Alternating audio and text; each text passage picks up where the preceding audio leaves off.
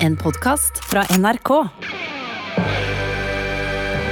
Velkommen til Gal og genial, en vitenskapsserie for det som elsker sære genier. Med meg, Torfinn Borchhus, og min venn Sven Biskår. Han revolusjonerte astronomien. Han mista Nosson i en sverdduell. Han hadde en elg som kjæledyr, og han fant opp den vitenskapelige metode. Er du klar for Tycho Brahe? Jeg er klar. Da kjører oss Oasis!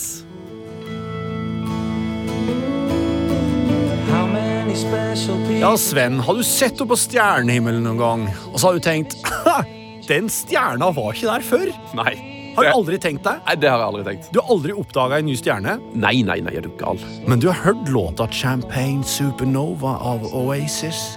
Eh, den har jeg hørt Ja. mange ganger. Jeg vet at du Den er nesten lei av, vil jeg si. Hørt så mye på Oasis Skal jeg skru den på? Skru den av nå. Den som så ut på stjernehimmelen og oppdaga en ny stjerne, det var Tycho Brahe. Han var en dansk astronom og festløve som revolusjonerte astronomien fordi han var så mye mer nøyaktig enn noen hadde vært før han. Og metodene han utvikla, brukes den dag i dag. Og han hadde en elg som kjæledyr, som likte å drikke øl. Ja, dessverre. Eller ja, bra for han. Hva, ja, det var, det var venner. Og så kan man si at han fant opp eh, supernovaen på et vis. Ja, det kan du faktisk si. Så det kan du tenke på når du sitter og hører på Oasis hjemme på ditt eh, hifi-anlegg, eller i bilen, eller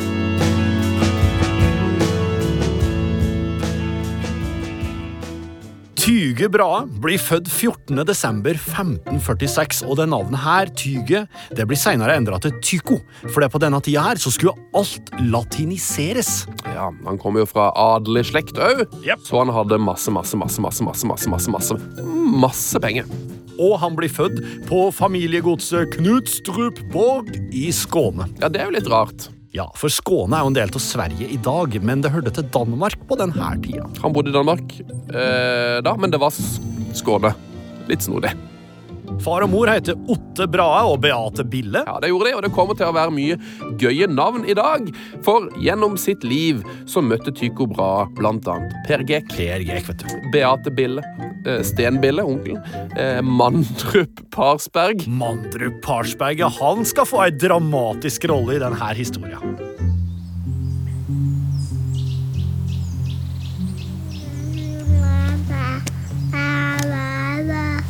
Noe av det første som skjer i Tycho sitt liv, det er noe livsomveltende når han er to år gammel. Og hva kunne ha skjedd her, Sven? Mm, hva kunne skjedd livsomveltende? 1546, liksom. Eh, 1548. sykdom Det kan spise noe dårlig bær eller noe. Ikke sant? Dette, alt det her kunne ha skjedd, men han blir kidnappa.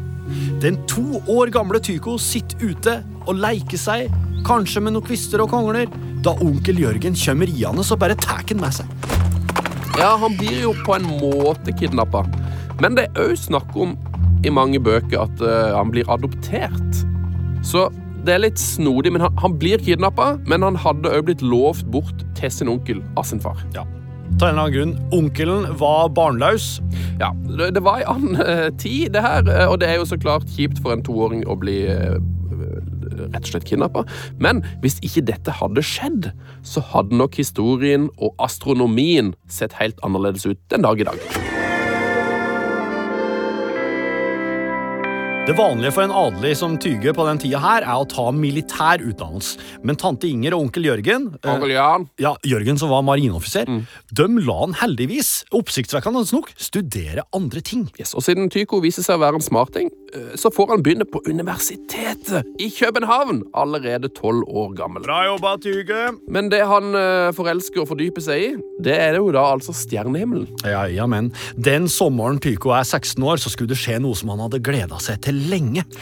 Og han har jo allerede rukket å studere såpass mye astronomi at han veit når de forskjellige planetene skal møtes på himmelen. Ja, Han leser planettabeller, spådommer om når den og den planeten skal bevege seg hit og dit. Og den dagen her så veit Tycho at Jupiter og Saturn skal møte, de skal krysse hverandre. Men det som skjer, er at tabellene bommer på dette møtet. Eh, En tabell bommer f.eks. med et par dager. Ja, og en annen tabell bommer vel med en måned. Så han blir jo da veldig skuffa, den unge Tycho. Går ut og ser opp på stjernehimmelen, og det skjer ingenting. Så han oppdager jo altså da en feil. Tycho skjønner nå at han ikke kan stole på tabellene og arbeidet til andre folk før han, og bestemmer seg for å ta saken i egne hender. Han bygger seg nå ei gradbue. Gradbue. Ja. Det ser ut som en svær passer som du kan sette mot øyet, som han i tillegg kan, han kan måle avstanden mellom to stjerner på himmelen med den passeren her. Og så kan han notere seg det her, for han hadde allerede lagt seg til vanen med å notere systematisk i en notatblokk. Høres ikke ut som en sånn revolusjonerende metode, det her, Sven. Å ta notatet. Nei, Nei. men det her er jo noe oss har lært oss, ikke sant? Og det her, det er mye til grunnen til at oss husker Tycho den dag i dag, for han observerte ikke bare, han målte veldig nøyaktig og noterte i tillegg. Det var ikke ei selvfølge, det her. Utrolig. Vi har nå kommet fram til sommeren 1565. Tyger, eller Tycho som jeg kaller han, han er 19 år, og nå skjer det noe viktig igjen. Onkel Jørgen han har nemlig vært i en krig. På den tida her er det jo krig mellom Danmark, Norge-unionen og Sverige. På vei hjem ifra et vellykka felttog ramler kong Fredrik 2. av hesten i fylla på vei over ei bru og havner i det kalde vannet. Sånn. Onkel Jørgen han hiver seg uti ikke sant? og redder kong Fredrik 2. fra drukne. Takk skal du ha, Jørgen. Men det som skjer, da, er at onkel Jørgen dør seinere av forkjølelse av det her.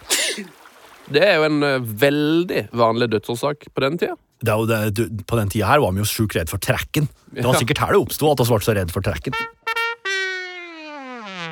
Og trass i at uh, kongen er drita, så går ikke det her opakta hen.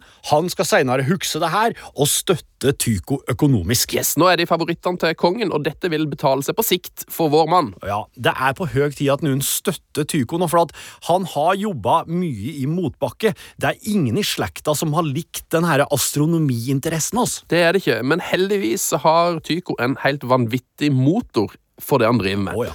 Så når han begynner å studere i utlandet, så går han for stedet der det finnes god astronomiutdanning. Ja. Og i 1566 reiser han til Rostock i Tyskland, og nå begynner fylla å prege vår manns liv. Tycho har nettopp fylt 20 år, og nå kommer Mandrup Parsberg inn i bildet. Ja, Mandrup er tremenningen til Tycho, og han er på besøk hos Tycho i Rostock. Og nå havner de i en eh, matematikkkrangel. Ja, sånn skjer på 1500-tallet. Eh, og da blir det sverdduell. Ja, eh, Men jeg tror nok det er litt sånn tullefekting, det her, for at eh, om Nuntorm kan å fekte, det er jeg litt usikker på. Men Mandrup han har iallfall ei ganske dramatisk avslutning på fektinga si. For når han har fekta seg ned i bakken, så skal han liksom bare slønge sverdet opp igjen, og det er da det skjer. Med et trylleslag. Ja, Det er en slags freak accident. Så klarer han da altså å slå av nesetuppen, og store deler av nesa til Tycho Brahe den forsvinner. Jeg vil si kanskje, hvis du tar fra leppa di opp, liksom, så bare snittes den vekk der. Ja, jeg vil si at så godt som alt forsvinner. Så nå kommer Tycho Brahe hjem til tante Beate fra studiet i Rostock med et litt oppdatert fjes. Og sekken full med astronomibøk. Ai, ai, ai. Ja, la, la, la. Nei, nei, nei. Tyge han ender opp med å bruke messingprotese på noe sånn resten av livet, og han har alltid med seg en boks med en slags eh, klistrot masse som han gnir inn i metallet og sånn, og så bare setter den på plass. Men For å holde han fast, på en måte. Ja, for å holde den fast, ja. Ja, Og det er jo litt stilig med neseprotese. det rimte. Men den protesa, den skal kanskje, hold deg fast, ta livet av vår mann. Mer om det seinere. Våren 1568 da tar kong Fredrik 2. kontakt med Tycho igjen. Han er nå turr og glad for at han ikke drukna i fylla den gangen, og nå skal han gjøre noe som er utrolig viktig for astronomien. For han gir nemlig Tyge inntekter fra Øresundtollen og seinere fra Nordfjord len. Ja, og det er spesielt av to grunner. Ja. Grunn nummer én fordi han er den første danske kongen som tar vitenskapen på alvor. eh, og to, enda viktigere, er at han eh, tar penger fra Nordfjord len, og det er jo i Norge. Ja, ja, Norske penger. Det er det. Tyge er heldig med timinga si, fordi at astronomi det er virkelig i vinden på kontinentet nå. Ingen har kartlagt stjernehimmelen ordentlig godt før, og det er de veldig opptatt av på den tida her. Det er den veien de ser. Ja, og det kan vi kanskje si noe om nå. Når Tycho Brahe ble født, eh, hva trodde man på en måte da om stjernehimmelen? Hva trodde man om astronomien? Mange tror jo at verden er geosentrisk på den tida. Geosentrisk. Det vil si altså at jorda er i midten av solsystemet. Ja, sola- Oss er i midten. Sola går rundt oss. Ja, Sola går rundt oss, alle planetene snurrer rundt jorda. Men tre år før Tycho ble født, da hadde allerede astronomen Kopernikus sagt at nei, verden er heliosentrisk, alt sammen snurrer rundt sola. For en teori. Ja, det er en legendarisk teori. Og da ble det en del hullabaloo, kan du si. Tycho sjøl trodde på en blandingsmodell der sola og månen snurrer rundt oss, altså jorda, mens de andre planetene snurra rundt sola. Og sjølve stjernehimmelen det trodde de var et fast skall som lå rundt det hele. Et skall. Ja, rett og slett. Et skall. Og hva som var utafor der, det vet jeg ikke om noen hadde tenkt. Men iallfall, stjernehimmelen var et skall, og der kunne ingenting forandre seg. Men det skulle snart Tycho motbevise. Ja, Nå går Tycho inn i en periode der han gjør research rett og slett, til sitt livs største byggeprosjekt. Mens han er i starten av 20-årene, så reiser Tycho bra rundt og besøker mange laboratorier. og Han reiser på observatorier, og han drar nesten på en sånn slags turné, Ja. der han noterer seg hva slags astronomiske dippeditter, måleinstrumenter og materiale som gir mest nøyaktige forskningsresultater. I tillegg har kong Fredrik foreslått flere forskjellige plasser der Tycho kan slå seg ned og bygge sitt eget planetobservatorie. Men ingen av de stedene har overbevist Tycho enda. Og så kommer året 1572. Da skjer det to store ting i Tyges liv. Det ene på det personlige plan, og det andre på det universelle plan. Hva skal vi ta først? Jeg tenkte personlig først. Ok, Tycho Bra får seg dame. Ja! Kirsten Jørgensen! Han forelsker seg i Kirsten Det er klart han gjør det. Og siden Tycho er adelig, og hun ikke er adelig, så kan dessverre ikke de gifte seg, ifølge dansk lov. Yes, og Det er jo forbaska leit, men, Ja. men det stopper ikke Tycho Bra og Kirsten Jørgens. Neida. De skal være sammen resten av livet og få en hel skokk med unge. Det andre som skjer i 1572, det skal gjøre Tycho til en astronomisk kjendis. For nå skal han, husker du jeg sa at han skulle forandre vår oppfatning av stjernehimmelen? Det er nå han gjør det. Er det nå han oppdager en ny stjerne? Nå skjer det. Han rusler over tunet en sommerkveld. Og hvor ser Tycho hen når han er ute og går, tror du? Ser han ned på skoene sine? Han ser opp på den vakre stjernehimmelen. Det er der han ser, vet du. Men den kvelden her, da måtte han stoppe opp. For han kunne ikke tro det han så. Der oppe så han ei stjerne han aldri hadde sett før. Og det må man jo nevne, at eh, det er jo ei tid uten uh, lysforurensning. Ikke sant? Så, så det var jo på en måte som en TV-skjerm. Det var helt fantastisk stjernehimmelen på Tycho sin tid. Og det å kartlegge den, det å kunne alle tusen stjernene, det var noe som Tycho mente at alle, uten problem, kunne lære seg. Og den stjerna som han plutselig ser nå, Ja, den kaller han da altså for en supernova. ja. Eller han, han skrev Nova Stella, da. Eh, Det betyr ny stjerne. Okay. Men det var den første registrerte supernovaen. I dag så kalles det det. Og Tycho beviste gjennom nøyaktige målinger at den her befant seg utafor vårt solsystem. Dette her er store nyheter. Dette Det her- er breaking news. Det Verdensnyheter. Det her snur opp ned på 2000 år med tenking, det nå. I 2000 år har de trodd det her. Shit. Og nå blir Tycho Brahe et navn det går gjetord om, og jobbtilbudene begynner å dukke opp. Nå må danskekongen raske på hvis han skal klare å kapre Tycho Brahe. For nå er han eh, hot news på overgangsmarkedet. Japp, det må han. Tidlig en vintermorgen 1576, da kommer det et kongelig bud til Tycho. Kongelig bud. Ja, ja, Da kommer de riende inn, vet du, og bare 'Tycho! Du må komme til Ibstrup jakthytte for å møte kong Fredrik!' Og Hei. Tycho bare «Atsji!» OK. Tycho, du må komme til Ibstrup jakthytte og møte kong Fredrik der. Eh, Tycho hiver seg på hesten. 'Jeg skal med, skal med!' Og så rir han eh, fort som bare det til Ibstrup, der han møter kongen ikke sant, i sånn jaktdress med noen fete gullknapper. og Kongen vet du, han står der og Du, jeg har hørt rykter om at du har tenkt å flytte til Tyskland. eh, og da sier han at det vil han ikke ha noe av. Han vil ha Tycho hjemme i Danmark. Og han tilbyr han da øya Ven, ei øy i Øresund mellom Danmark og Sverige, der han kan bygge et observatorie og jobbe i fred og ro. Tenk å få sin egen øy. Ja, ja. Det er stas. Ja, her må jeg si, her er kongen på jobb. Det er han!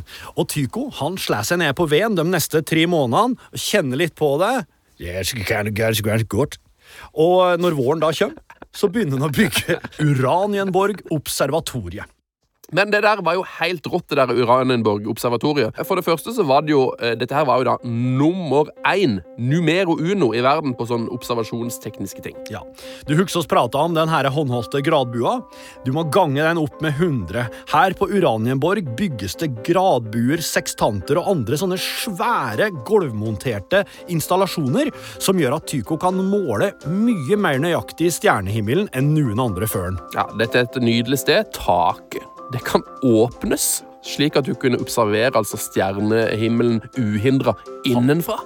Tycho har et bjøllesystem i hele huset, hvis han ringer ei bjølle, da må alle andre slippe det de har i hand, og komme og hjelpe til å måle og notere. Han har mange, mange, mange ansatte. Og Han har et fangehol i kjelleren for assistenter og bønder som ikke gjør som han sier. Han har innlagt vann, og det har Innlagt vann! Ja, det har verken kongen av England eller kongen av Frankrike på den tida her. Ja, det er et sykt sted, det her. Han har trykkeri, papir, mølle og et eget alkemiverksted. Det er en fantastisk plass. Veggene er full med kunst. Utvendig ser det ut som et italiensk renessansebygg i rød murstein med en enorm hage rundt. Det har kosta masse penger, det her. Men så blir det veldig bra òg. Det blir en plass der Tycho med familie og assistenter kan observere, regne ut og publisere oppdagelsene sine. Så jeg vet ikke hva jeg skal sammenligne med. Det er som en egen forskningsinstitusjon som har alt. Vinteren 1581 er Uranienborg ferdig, og det blir jo et konstant renn av celebre gjester. Uranienborg er jo en attraksjon, eh, og det er jo ikke bare bygninger og inventaret som trekker folk. For nå kommer vi jo endelig til Jepp. Ai, ai, ai. Min, min favoritt. Ja. Jepp han er rett og slett en kortvokst. Hvis du hadde vært kongelig på den tida her, 1500-tallet, da hadde sjansen vært stor for at du hadde hatt en kortvokst eller to i hoffet ditt. Ja, det er jo kjipt, eh, men sant. Eh, kongene de likte å la seg avbilde med kortvokste. For da så de store og mektige ut, eh, og i dag kaller man jo kanskje dette for Napoleon-komplekset. Ja. Og man kan vel også si at det finnes likhetstrekk mellom Tycho Brahe og Napoleon. Ja, ja, men.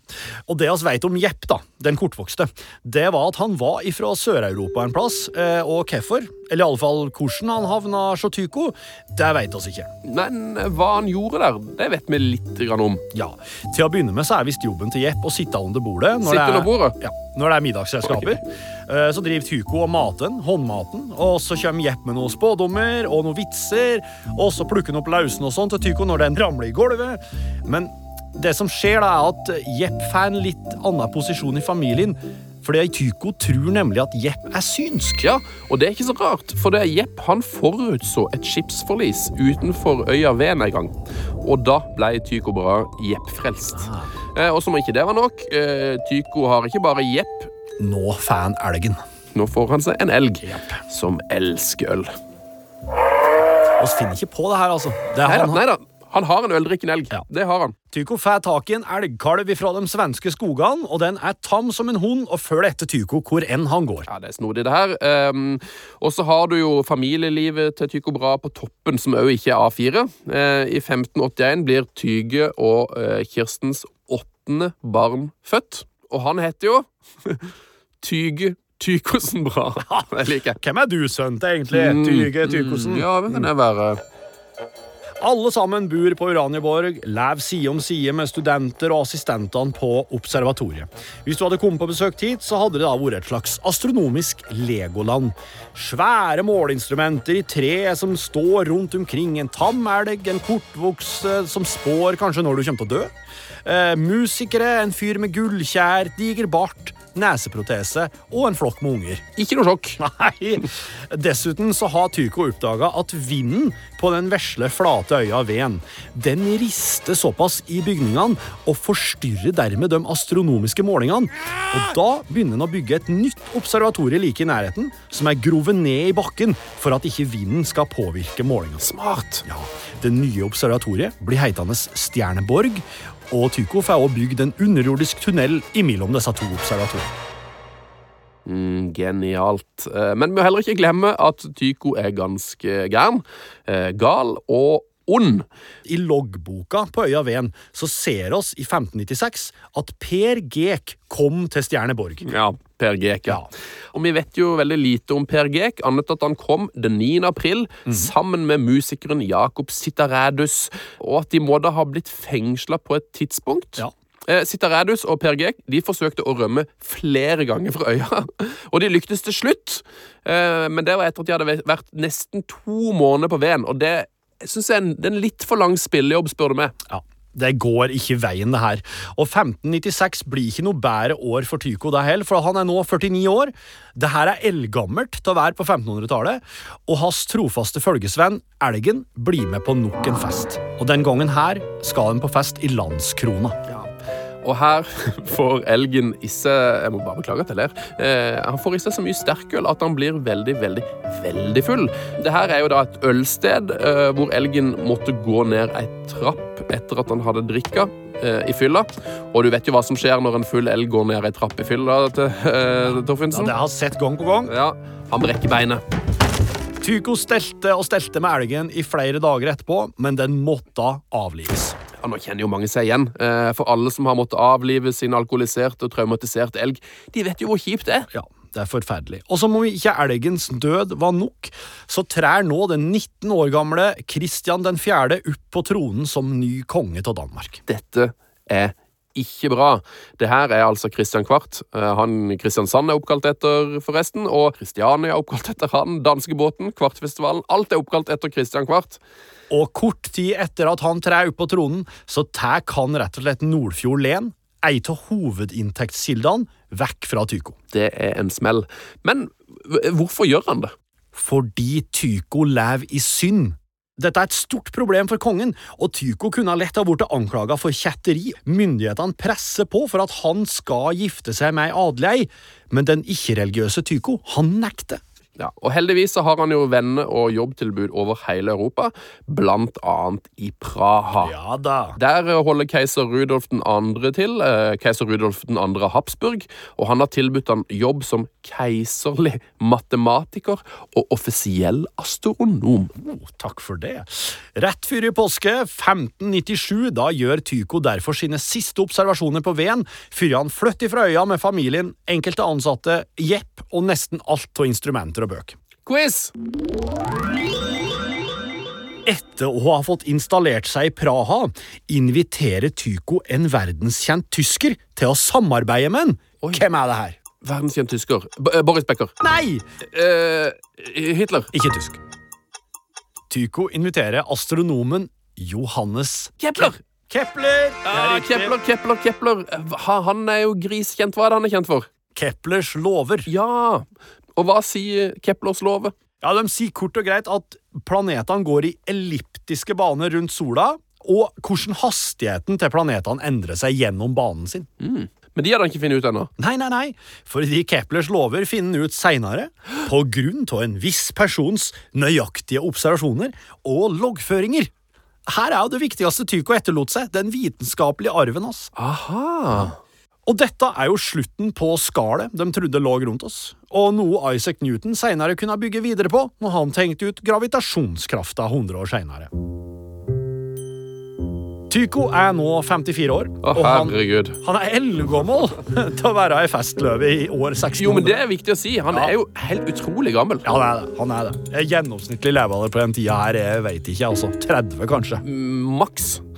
Men nå dør han, og det skaper overskrifter den dag i dag. Det finnes altså så mange gøye teorier eh, rundt hvordan han døde.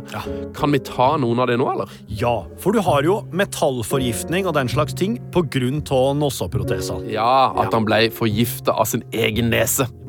Noen mener jo at Kepler forgifta han for å få tilgang på forskningsresultatene hans.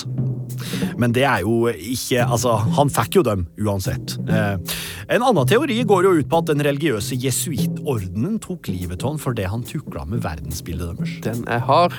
Det var jo en teori om at Tycho Brahe var faren til den danske kongen, og at kongen derfor har det fått noen til å drepe Tycho Brahe på bestilling. Ja, det der finnes det egen bok om. Det, er- det, ja, det, altså det er jo det. Alle teoriene her er jo en egen bok. Ja, ja, ja. Men det som lenge har vært den mest aksepterte teorien, var at han rett og slett eksploderte i et middagsselskap. Ja, han spiste seg i hjel.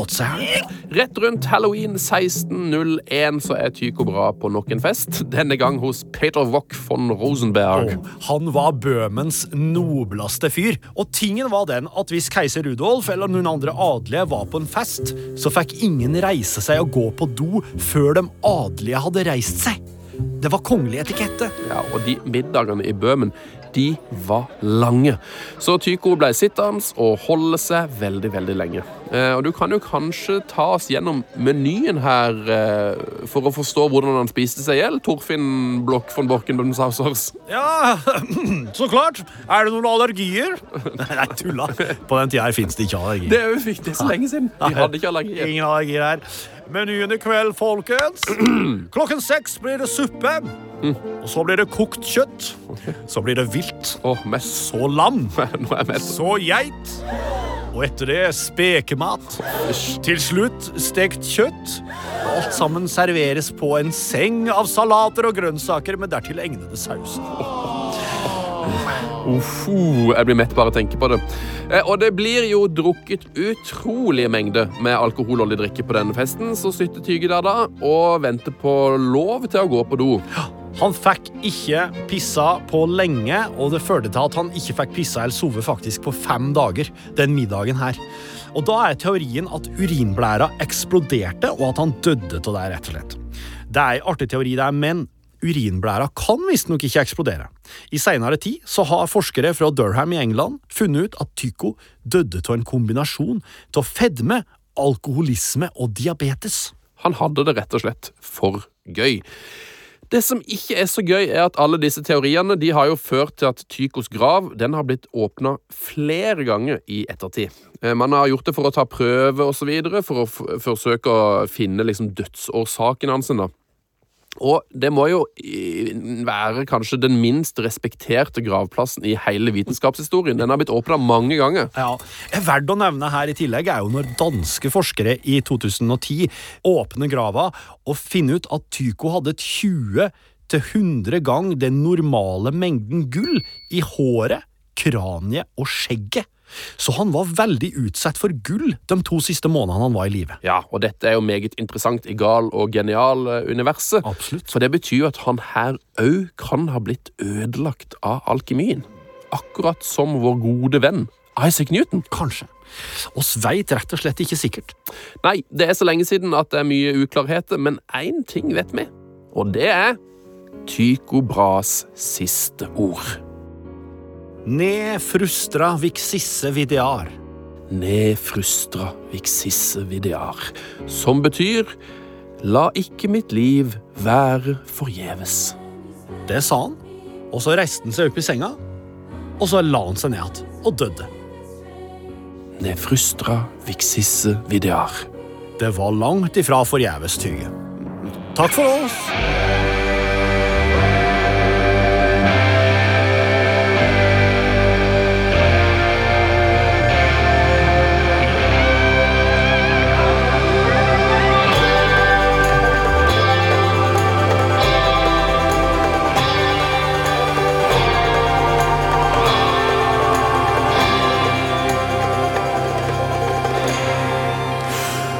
Denne podkasten er logget av Sven og Torfinn Erlend Lånke Solbu, kjenningsmelodi til Stian Karstensen, lyddesigner Ingebjørg Hagerup og redaktør Eline Gevelte Andersen. Ny episode neste tirsdag. Vær bekomme.